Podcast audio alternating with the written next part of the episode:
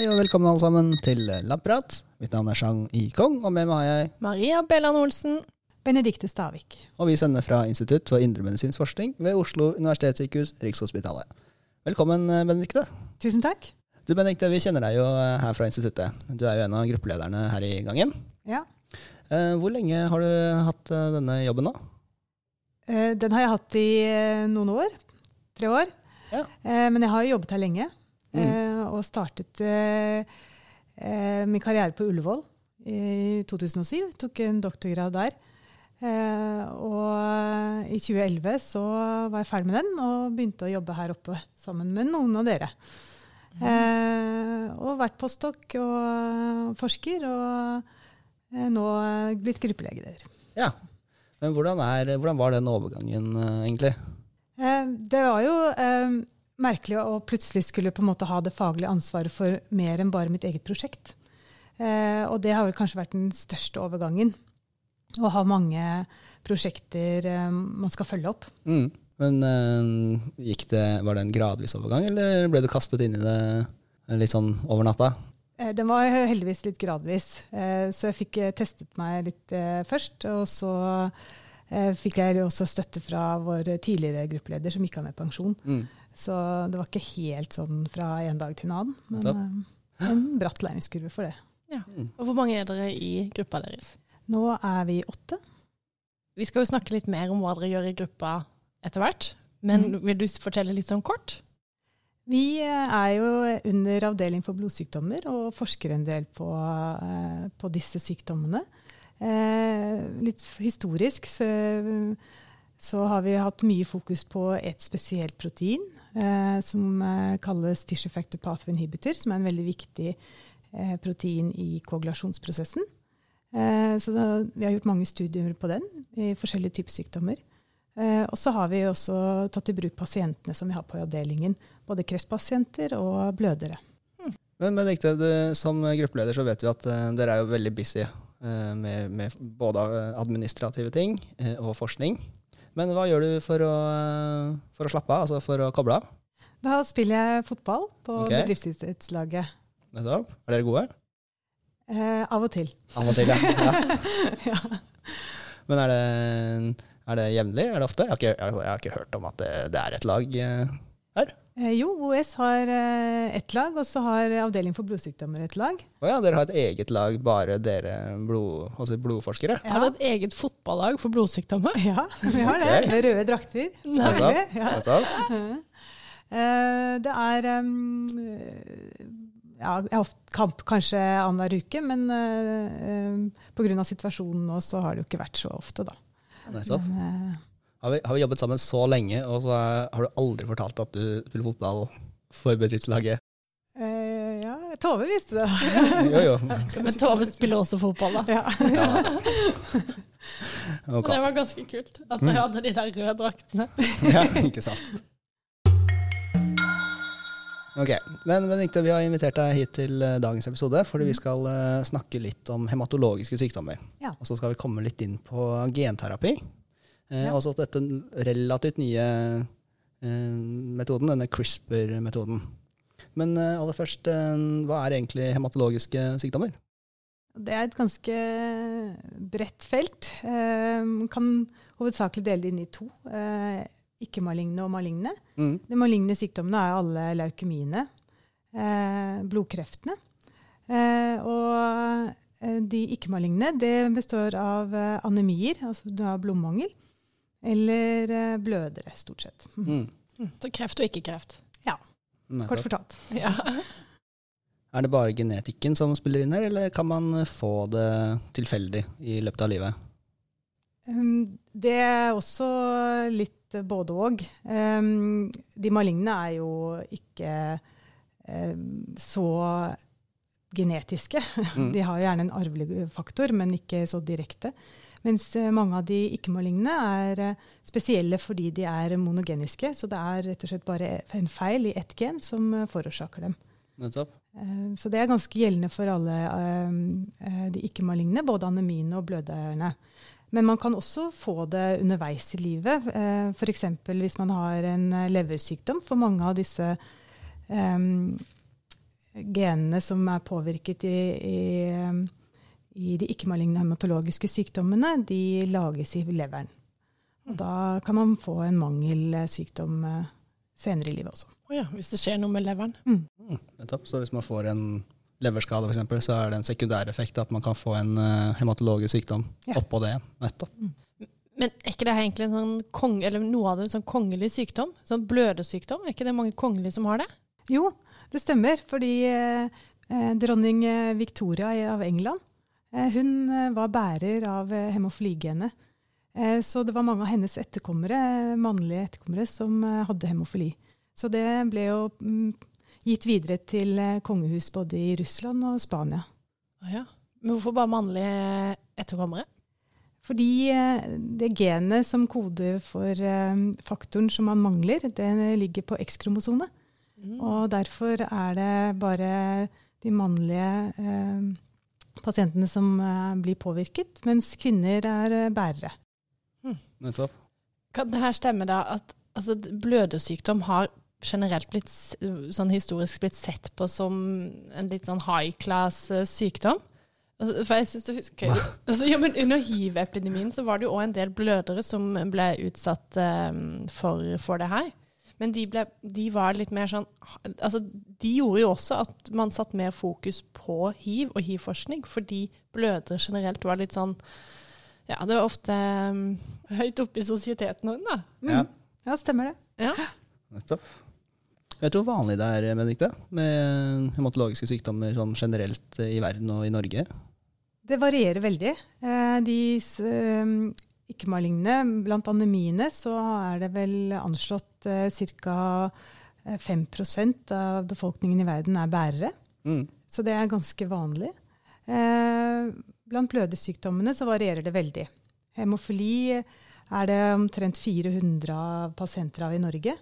Så har man noe som heter von, von Willebrand, eh, hvor det er omtrent 300 pasienter i Norge. Mm. Og så har vi faktormangler. Faktor 7-mangel, ca. 50 pasienter. Og faktor 5-mangel, som er mindre enn 5 i. Norge. Mm. Og, og ikke mer enn 150 på verdensbasis. Nettopp. Men når du nå sitter og snakker om alle disse faktorene Mm. og de her stoffene, så er det kanskje greit å si hva de er del av. Mm. De er en del av koagulasjonssystemet, stemmer ikke det? Det stemmer. Og det er Du kan jo fortelle det kort fortalt. Eller? Ja, det er eh, kroppens måte å, å hindre at vi blør eh, for mye på. Eh, får vi en skade på blod, blodåren, så er det viktig at kroppen stopper den skaden så raskt som mulig. Og Derfor har vi denne prosessen som kalles koagulasjonssystemet. Og så hvis du har sett et foredrag med koagulasjonssystemet, så er det bare sånn Den virker på den, og den virker på den, og så kommer den faktoren inn, og så kommer den faktoren inn. Det er litt sånn, der, litt sånn Joko Nord-følelse, egentlig. Ja, det er nesten som en sånn dominospill, hvor den ene aktiverer den andre, som aktiverer den tredje, osv. osv. Ja. Men er det sånn for å forsterke liksom, signalet nedover? Altså For hvert ledd så er det flere som blir aktivert? Er det derfor det er sånn, eller er det for å kontrollere det? Altså at cellen har flere steder å kontrollere det på? Ja, jeg tror det handler noe eh, om det, fordi det er veldig viktig at man har akkurat balanse i disse faktorene. Fordi du har eh, faktorer som aktiveres, og faktorer som inaktiverer. Mm. Og det er viktig at det er en riktig balanse mellom de, for ellers så vil du få enten eh, blodproppdannelse eller eh, tendenser til blødning. Nettopp. Så hvis eh, en av disse faktorene eh, mangler f.eks. ved en genfeil, så stopper denne kaskaden opp? Ja, det gjør den. Og når det da er en faktor som aktiverer blodkoagulasjonen, så vil du da blø Mm. og bli bløder. Mm. Ok, men så da er det noen som blør, men er det også noen som da har mer tendens til blodpropper, da? Vi har noen pasienter i Norge som har det som heter antitrombinmangel. Eh, og de har eh, høyere risiko for å få blodpropp. Mm. Nettopp. Så um, symptomene det er eh, enten man blør mer enn vanlig, eller at man har høyere risiko for å danne blodpropp. Ja. Nettopp. Men hvor lett eller vanskelig er det å identifisere pasientene? Eller hvor lett er det, eller vanskelig er det for en pasient å forstå at vedkommende har en sånn sykdom? Det også varierer eh, veldig fordi eh, mm, det er nivået eller aktiviteten av denne faktoren som påvirker hvor, hvor syk du er. Mm. Eh, så hvis du har veldig lave nivåer, eh, så kan det være veldig alvorlig, og da oppdages det gjerne veldig tidlig, kanskje innen første leveår, Mm. eh, at man har det. Mens eh, andre vet ikke. Eh, de får kanskje vite det fordi de får eh, en annen i familien som blir syk, og som da blir undersøkt. Og så undersøker man familiemedlemmer, og så finner man ut at det faktisk er flere som har det, uten at de visste det. Mm. Da betyr det at den, det er ikke så alvorlig for alle. Nei. Men man kan være bærer uten egentlig å vite det selv. Absolutt. Eh, og det er også tilfeller hvor man egentlig har ganske lave aktivitetsnivåer, men har ingen symptomer. Så det er eh, mange ting vi ikke vet helt, eh, som kontrollerer det også. Mm. Men kan det for disse personene da være farligere hvis de opplever et stort traume, da? Ja. For eksempel. Mm. Kommer i en bilulykke eller et eller annet. Absolutt. Mm. Og det er jo eh, gjerne eh, Hvis man vet at man har noe i familien, så blir man undersøkt hvis man skal ha en eh, operasjon, f.eks. For, eksempel, for da er det veldig viktig at du får eh, eh, behandling i forkant. Men hva er den tradisjonelle behandlingen for disse pasientene? Da må man erstatte den faktoren som mangler. Eh, og det lager man enten eh, i laboratoriet, eh, såkalt rekombinant faktor, Mm. eh, eller man kan rense det, det fra humant plasma. Mm.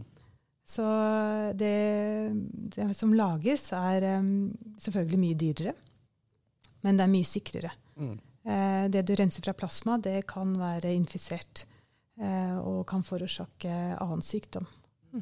Men rense fra plasma, det er jo da fra, fra vanlige bloddonorer? Ja. Mm. Men Benedikte, når du sier at man kan rense ut eh, disse faktorene som en pasient mangler, og gi det tilbake til pasienten, når gjør man, gjør man det hele tiden, eller gjør man det bare når man vet at pasienten skal blø? Eh, Det kommer an på eh, hvor alvorlig tilstanden er.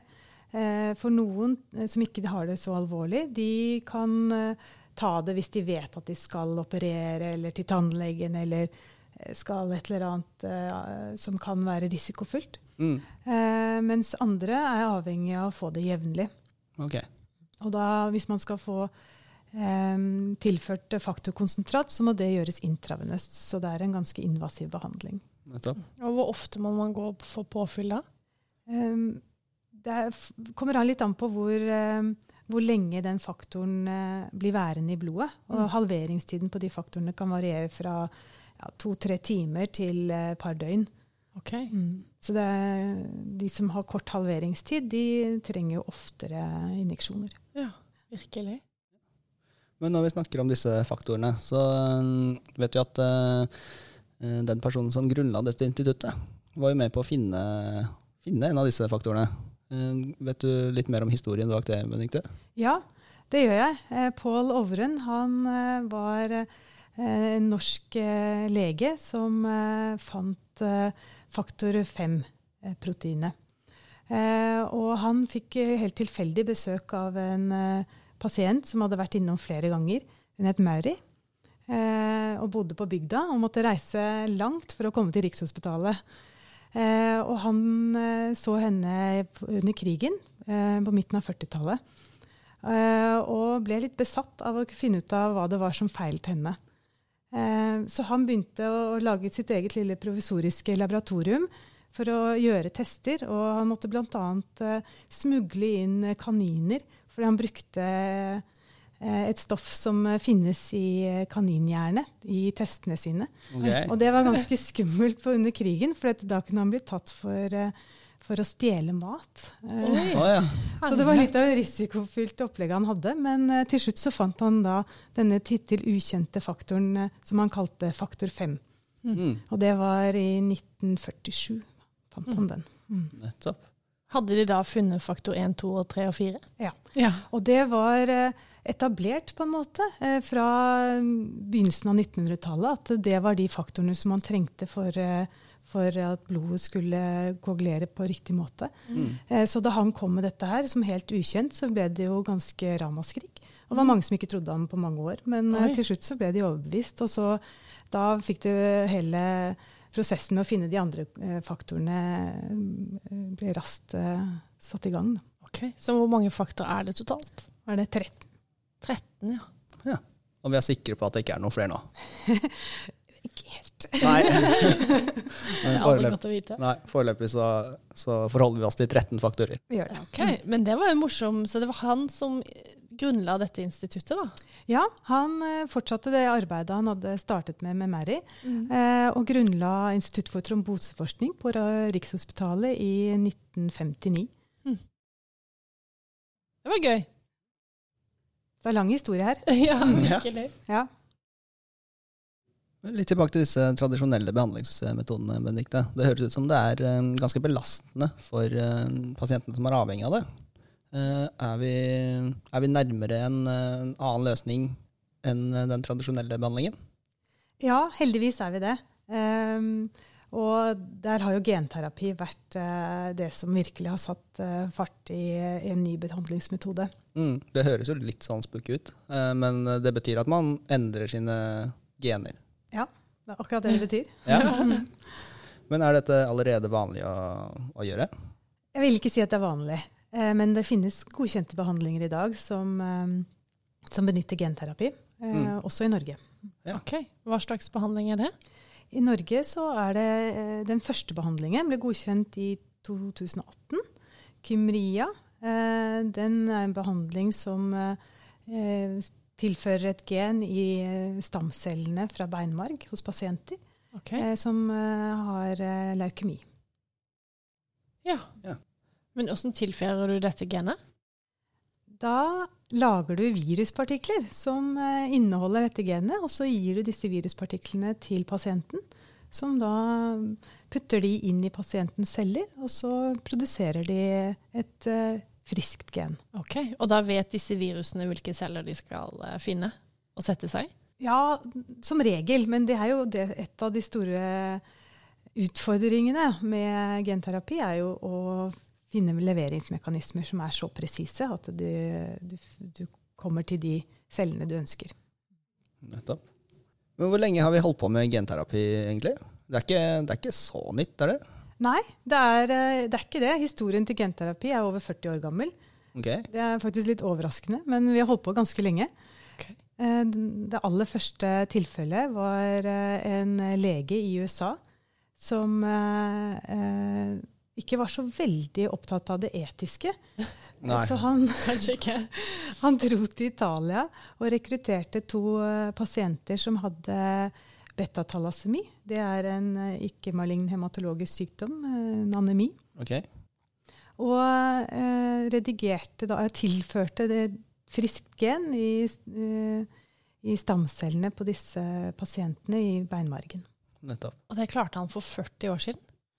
Ja, eh, han mener han klarte det, men det har aldri blitt publisert noen resultater. Så det er litt omstridt hvordan det egentlig gikk. Men han mener, eh, dr. Klein som han het, mener Ja. at dette gikk veldig bra. Ok, Og, og vi, disse pasientene eh, levde i beste velgående etterpå? Ja, han mente det, men det er fortsatt ikke blitt verifisert av noen andre. Nei, ok. Jeg skjønner. Men er det veldig strengt regulert i dag, da? Eh, Det å eh, både forske på genterapi og, og benytte, det, benytte seg av det til, eh, til pasientene? Det varierer litt eh, hva slags type celler som blir eh, redigert.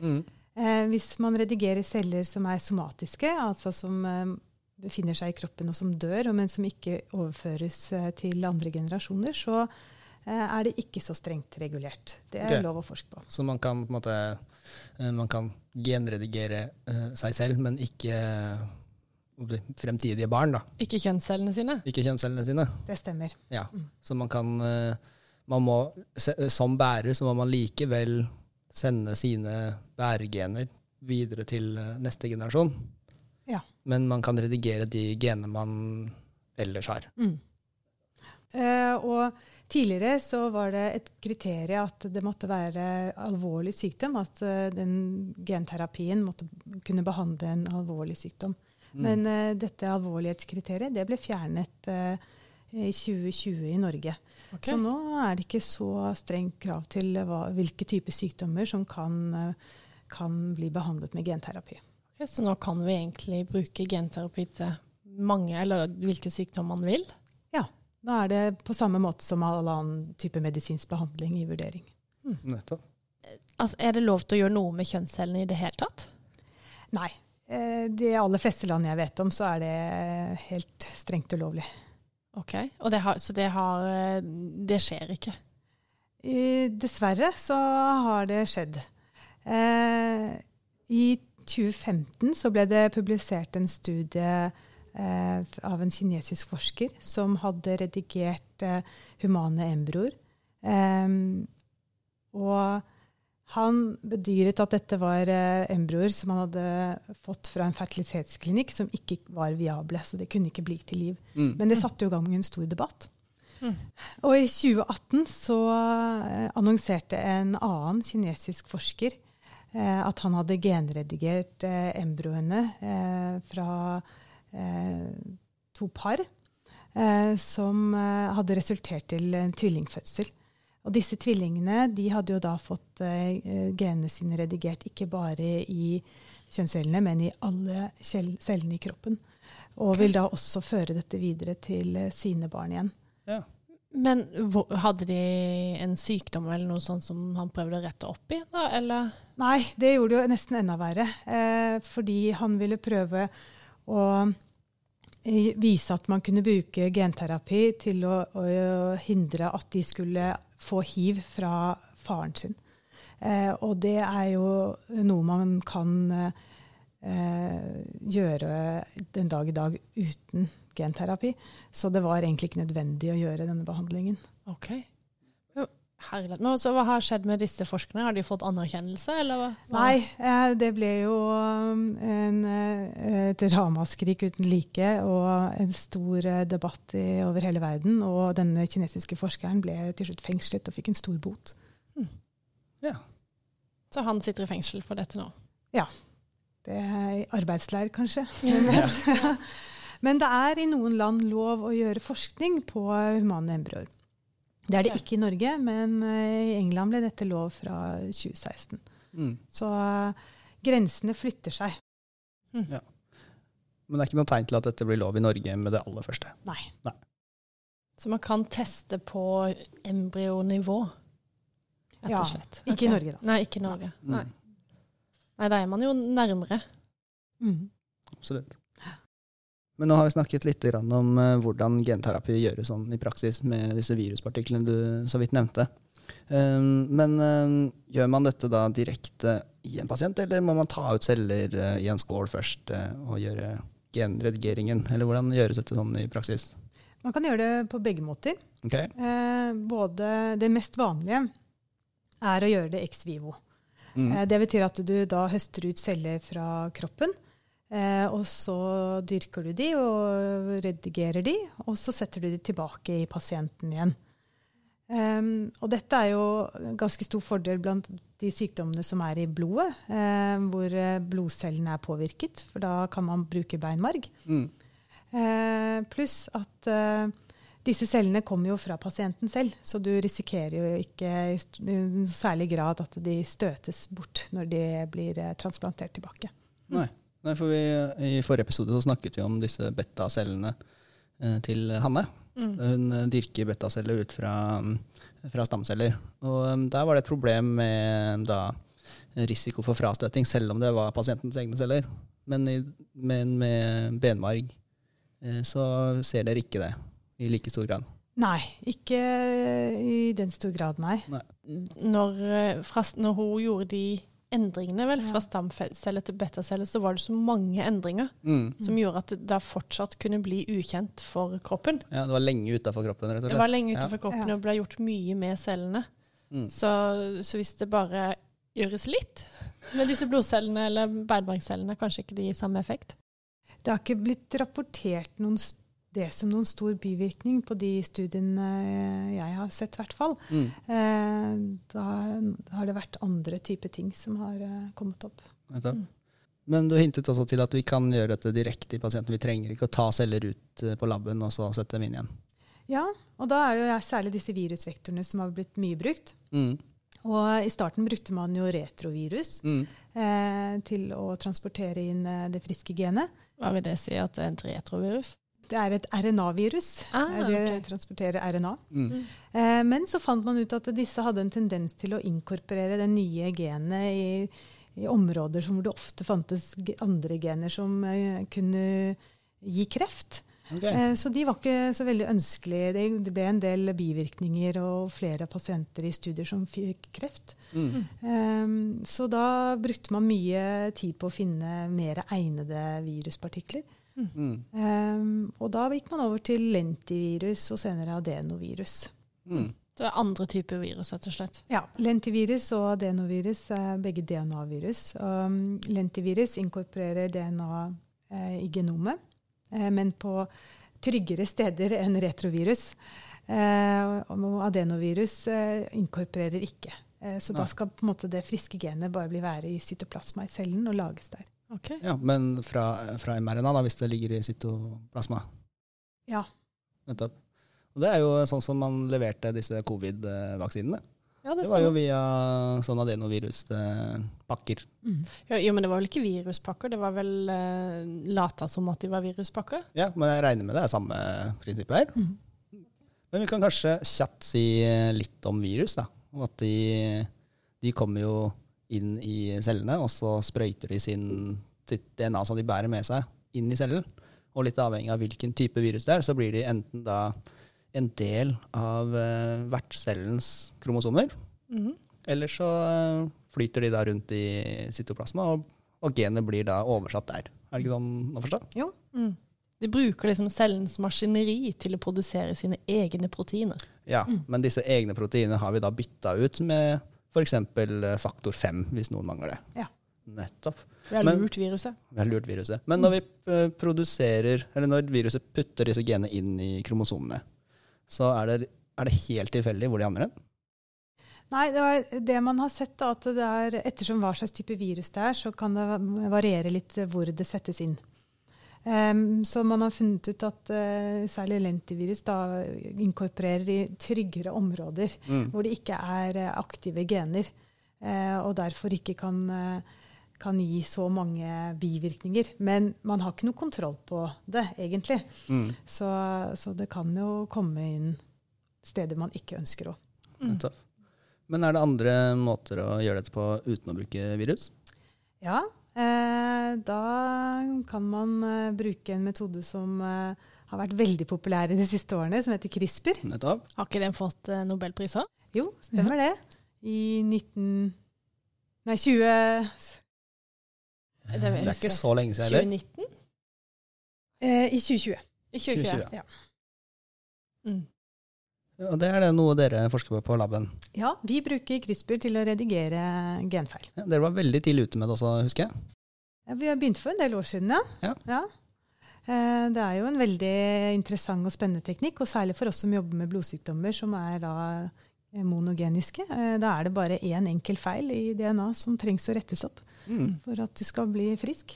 Ja. Så egentlig er CRISPR helt eh, optimalt for de her type sykdommene? Da. Mm. Eh, Og vi, den ene faktoren vi forsker mye på, da, faktor 7, den er spesielt egnet fordi at eh, nesten alle faktor 7-mangelpasientene i Norge har den samme mutasjonen. Oi. Så da kan vi på en måte hjelpe alle med, med den samme type redigering. Mm. For nå er vi, på, nå har vi da flytta oss på et annet nivå.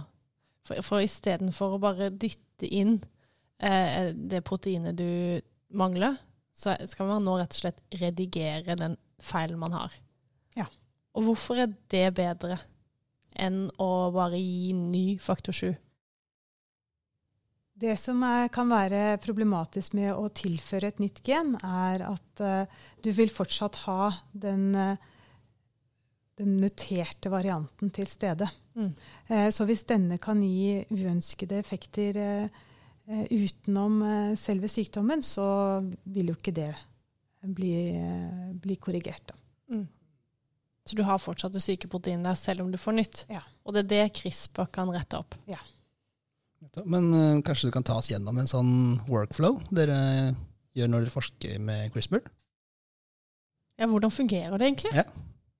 Eh, CRISPR består av eh, blanding av proteiner og RNA og DNA. Mm. Eh, og du trenger et, eh, protein som heter Cas9, som eh, på en måte eh, forflytter seg rundt på DNA. Og så har du en guide-RNA. Og denne guiden det er den sekvensen som er veldig viktig for å finne frem til akkurat der du har lyst til å gjøre endringen. Mm. Ok, Så- så det blir liksom som en Du har en liten kode, da. Og så leter dette Cas9 etter akkurat det området på DNA-et du har lyst til å endre. Ja, Ved hjelp av guiden.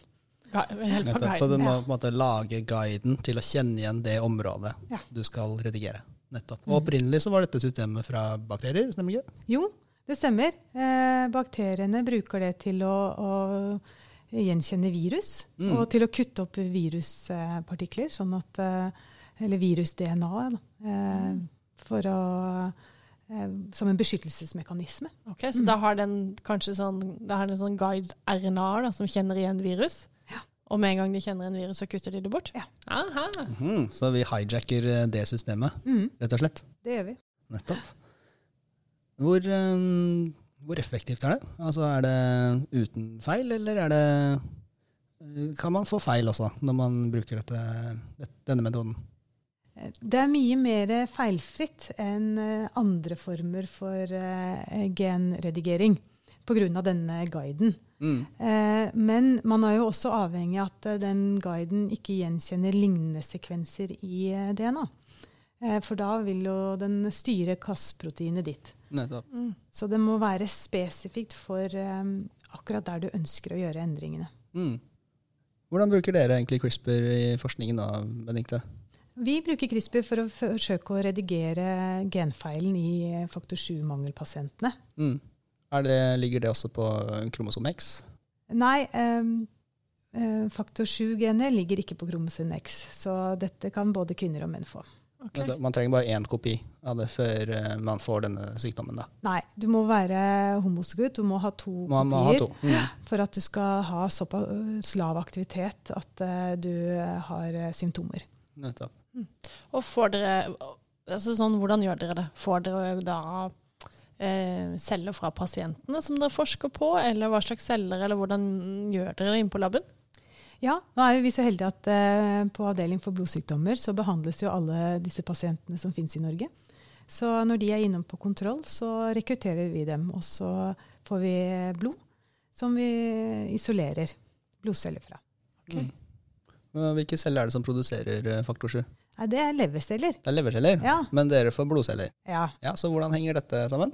Nei, vi kan jo ikke be om leverceller fra dem. Det blir eh, litt for drøyt. Mm. ok. Selvfølgelig. Mm. Men dere kan bruke blodceller til å gjøre det dere gjør? Ja, og det kan vi fordi at eh, det for noen år siden ble funnet ut hvordan man kunne omprogrammere Ja, blodceller til stamceller. ja. Snakker vi IPS? Yes. Ja. Det har vi vært innom flere ganger nå. Ja, vi har snakka om det. Det er en ganske kul metode. Ja, Men blodceller har vi ikke hatt som utgangspunkt. Vi har liksom hatt eh, Mest hudceller. mest hud, ja. Ja. Så hvordan gjør man det med blod? Nei, det er jo samme prinsippet. At uh, du tilsetter noen uh, faktorer. Mm.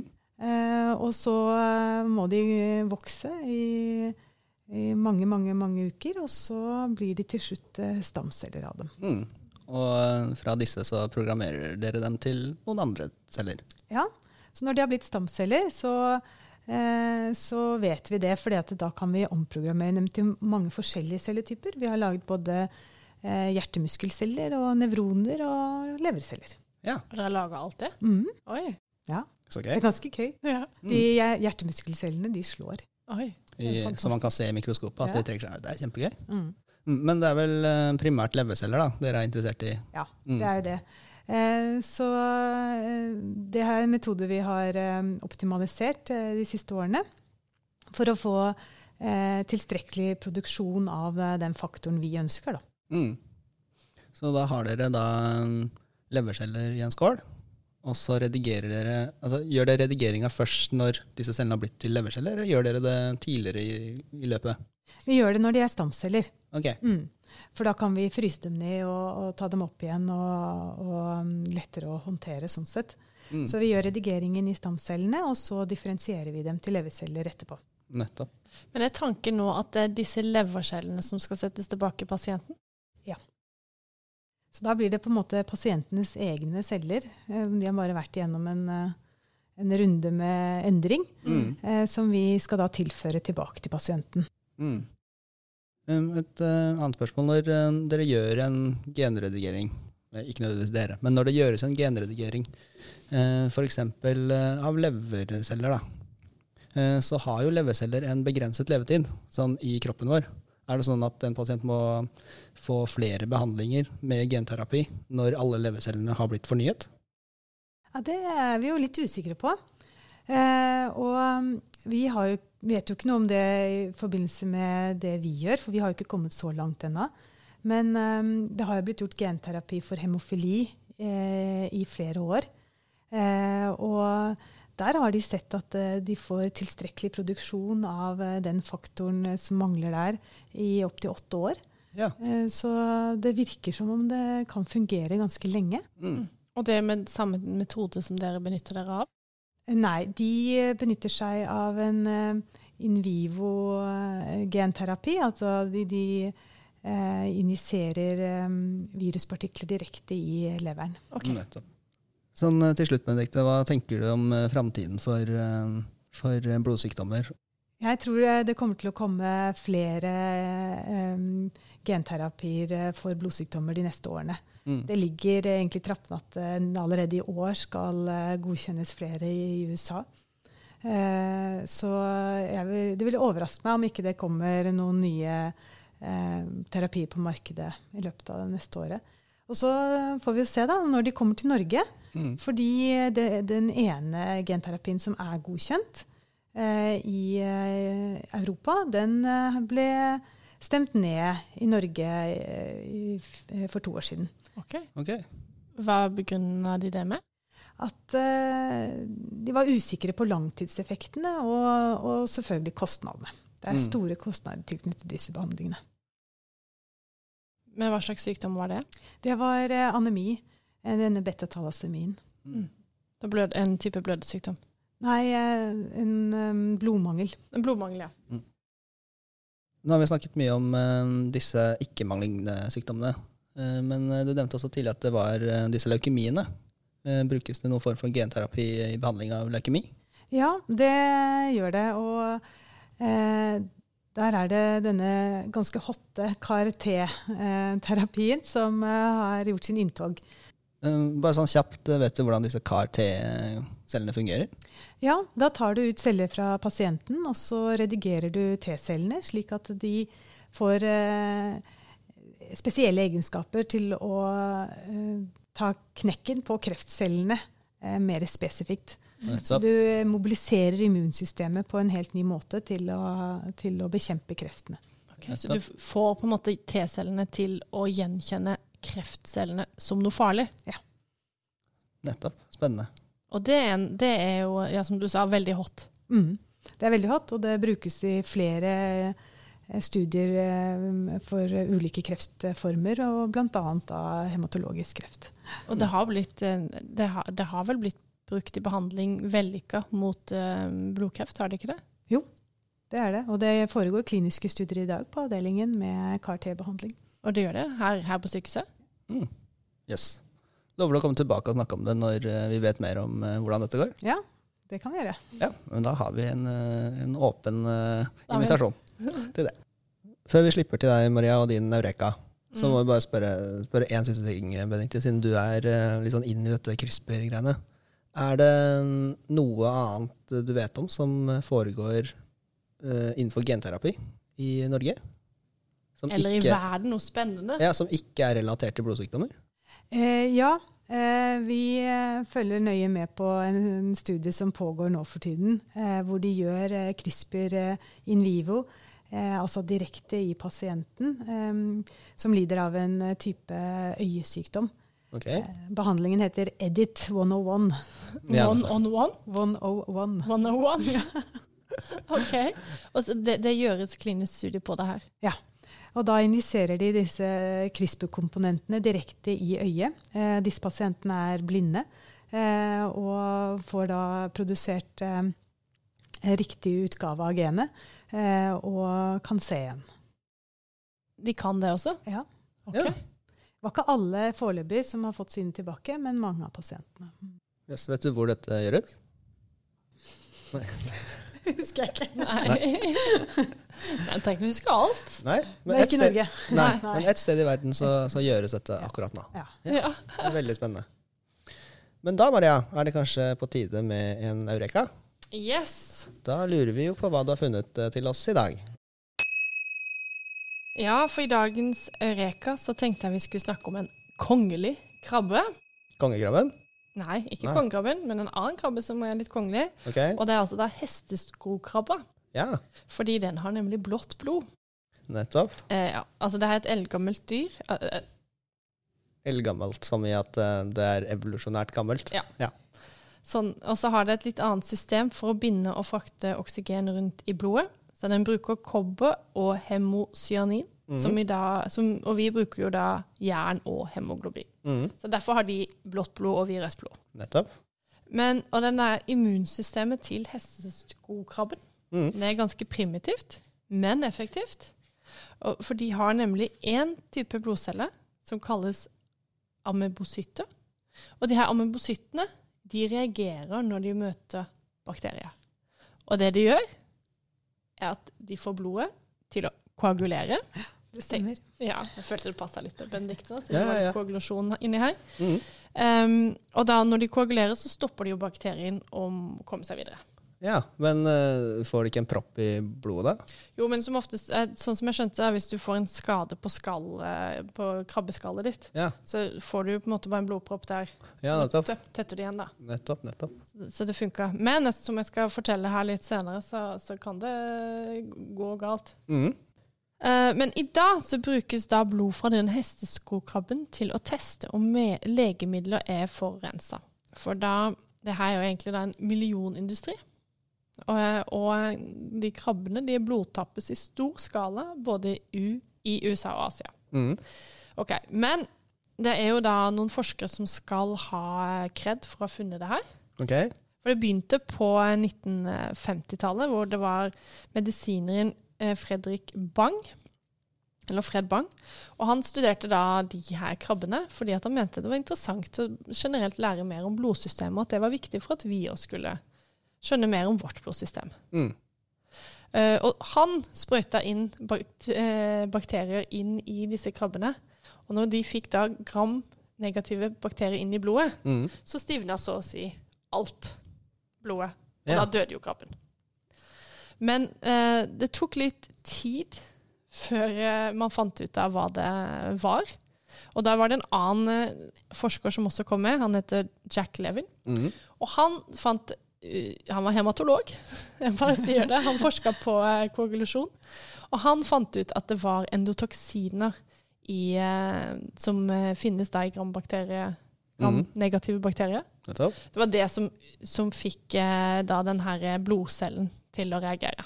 De, etter hvert ble det da laga en test, og det, den testen. Chang, Ja. den, den brukes jo i stor skala i dag for å teste legemidler.